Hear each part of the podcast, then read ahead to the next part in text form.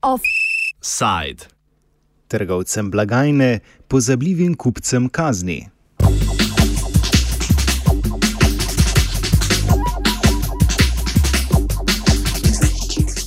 Dobršen del današnje redne majske seje poslanci namenjajo predlogu zakona o davčnem potrjevanju računov, ki ga je vlada sicer potrdila v začetku maja.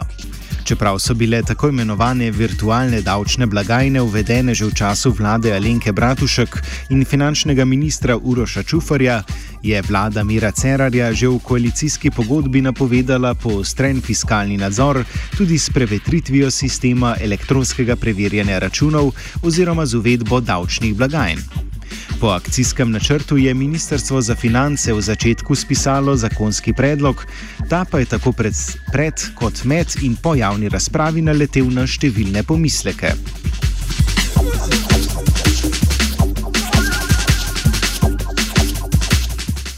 O številnih pomislekih glede uvedbe davčnih blagajn smo v naših informativnih oddajah v preteklih mesecih že govorili. Med zadnjimi se je pripombam zakona o davčnem potrjevanju davčnih računov pridružila Zveza potrošnikov Slovenije. Kot bomo slišali v tokratnem offsajdu, zveza opozarja na nespremljivo kaznovanje potrošnikov v primeru neshranjevanja računov. Predsednica Zveze potrošnikov Slovenije Breda Kutin pojasnjuje, da se s tem breme nadzora nad plačevanjem davkov prelaga na kupce. Tik pred uh, tem, ko je vlada uh, v bistvu poslala zakon v parlament, je prišlo do spremembe v predlogu zakona in sicer, uh, da se uh, sankcionira tudi potrošnika oziroma kupca blaga pri, ali pa prejemnika storitve, če ne vzame računa oziroma če ne hrani računa za izdelke z garancijo. E, ta predlog zakona pravzaprav določa zelo visoko globo 40 do 400 evrov za potrošnika, ki računa ne vzame oziroma e, če ga ne hrani za izdelek z garancijo. In uh, Zveza potrošnikov Slovenije ostro nasprotuje takšni ureditvi, ki v bistvu breme nadzora nad plačevanjem davkov nalaga potrošnikom. In mislimo, ne, da je garancija je pravzaprav takšna pravna ureditev, ki potrošniku olajša uveljavljanje reklamacij, če gre kaj narobe in da so potrošniki sami zainteresirani, da hranijo garancijo in račun, eh, da bi bili pa primorani za, zaradi tega, da bodo eh, davčne oblasti lažje izterjevale davke, se nam pa zdi to popolnoma neprimerno ureditev rešitev. Kot smo slišali, bomo po dikciji predlaganega zakona, ki se mu kljub določenim pripombam v parlamentu obeta podpora, račune primorani shranjevati tudi za čas trajanja garancije kupljenega izdelka. Ob dejstvu, da smo potrošniki vezani na ohranitev računov že zaradi možnosti morebitnega uveljavljanja garancijske pravice, se zdi ukrep obveznega hranjenja in predvidenih kazni toliko bolj nesmiseln. V zvezi potrošnikov pa se ob tem postavlja tudi vprašanje nadzora na tem področju. Eh, tudi, če bodo uh, inšpektori nadzirali, potrošniki jemljajo račune, mislimo, da bi bilo treba jasno določiti, dokdaj so dolžni hraniti ta račun, do izhoda iz lokala, recimo, uh, da, da bi pa, ne vem, davkarija pa tržna inšpekcija doma preverjala, Eh, kdo sploh ima računce, na kakšen način bodo pa zvedeli, kaj smo sploh kupili in tako naprej. Mislim, tu je po našem mnenju tisoč in en problem. Slovenija je pri ukrepu obveznega shranjevanja računov za obdobje garancijskega roka svoj vrsten unikat. Čeprav na zvezi potrošnikov analize niso naredili, pa kot in ne pozna države, ki bi potrošnikom za neshranjevanje računov v daljšem obdobju nalagala visoke denarne kazni. Mi še nismo slišali za nje, res pa nismo naredili primerjalno pravnega pregleda, ampak glede na to, da redno sodelujemo z eh, ključnimi evropskimi potrošniškimi organizacijami, pa nismo o tem še nič takega slišali. Mislim, se nam zdi to izjemno nenavaden ukrep. Na Zvezi potrošnikov Slovenije so v zvezi s predlogom zakona, ki uvaja davčne blagajne, pripravili tudi amadmaje, ki bi obvezno shranjevanje računov črtali, v zvezi s tem pa na njihovi spletni strani poteka tudi peticija. Smo pripravili amandmaje, mi smo tudi uh, začeli z zbiranjem podpisov kot neka vrste peticijo proti temu na spletni strani Zveze potrošnikov Slovenije www.zps.si uh, je možno, da, da, nas, da to peticijo podprete tudi vi. Doslej od eh, prejšnjega petka se je pa zbralo že več kot 6000 podpisov. Eh, tudi reakcije na Facebooku so bile zelo žalčne in mislimo, da so eh, predlagatelji zakona po nepotrebnem razburali javnost in namesto, da bi šli v smeri graditve pravne kulture, so pravzaprav izjemno razjezili potrošnike. Kot opozarja Kotin, pa je vse bolj opazna tudi tendenca, da vlada davčne ukrepe prelaga na ramena potrošnikov.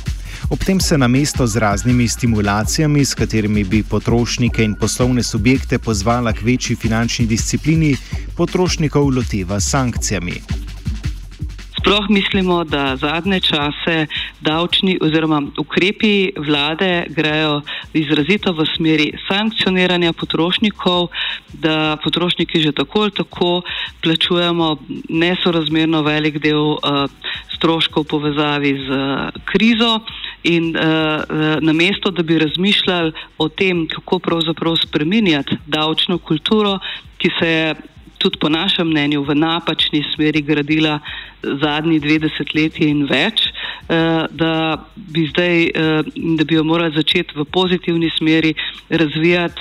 V zakonu pogrešamo ukrepe, ki bi recimo dajali kakšne odpustke, če povem po domače, ali pa vsaj kakšen bombonček za znižanje davkov za tiste, ki bi eh, začeli eh, resno zahtevati račun in eh, izboljšali to davčno kulturo, recimo tudi pri tistih storitvah, za katere danes eh, obstaja bolj pravilo, da se davkov ne plačuje, kot pa da se, eh, ne pa, mislimo pa, da so kazni pa neprimerne.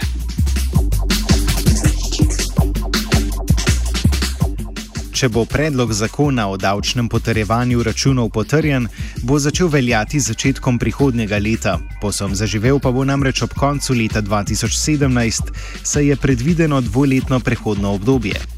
V tem času bodo lahko davčni zavezanci račune izdajali prek vezane knjige računov in jih na to v desetdnevnem roku potrjevali pri Finančnem uradu Republike Slovenije, krajše FURS.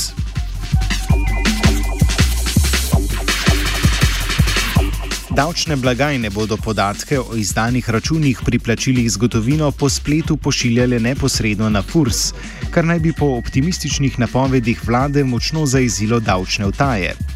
Kot smo slišali že v našem februarskem offsajdu, Ministrstvo za finance z naslova dodatno pobranega davka na dodano vrednost pričakuje 50 do 100 milijonov evrov, čemur pa ne verjamejo na obrtno-podjetniški zbornici Sloveniji, krajše OZS.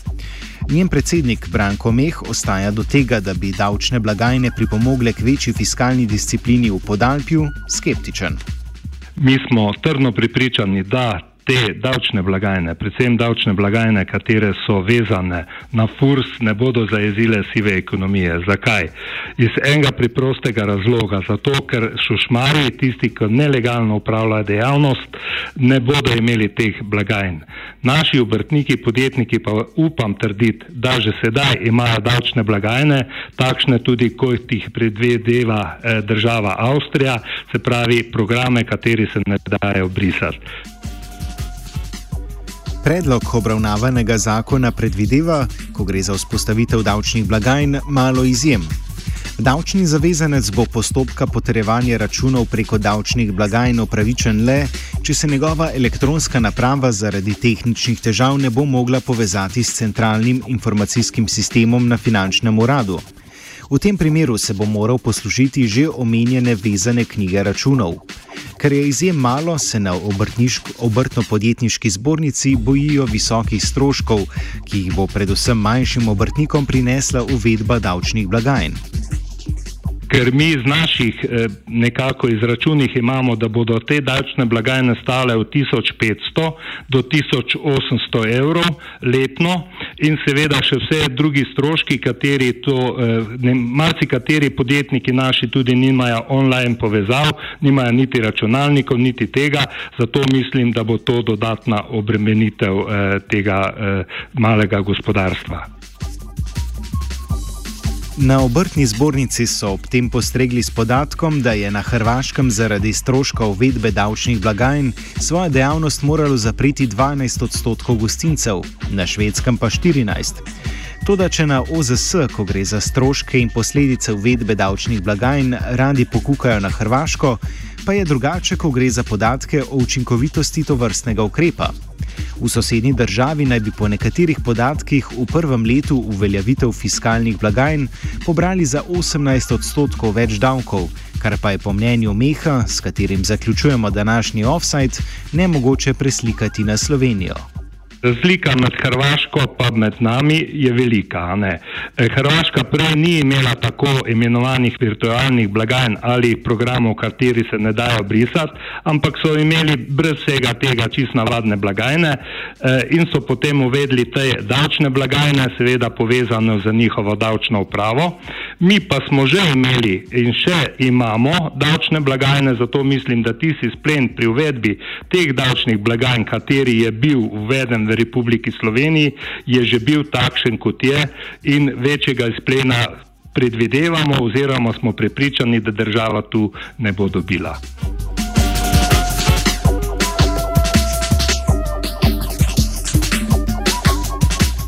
Offside je pripravil Marcen.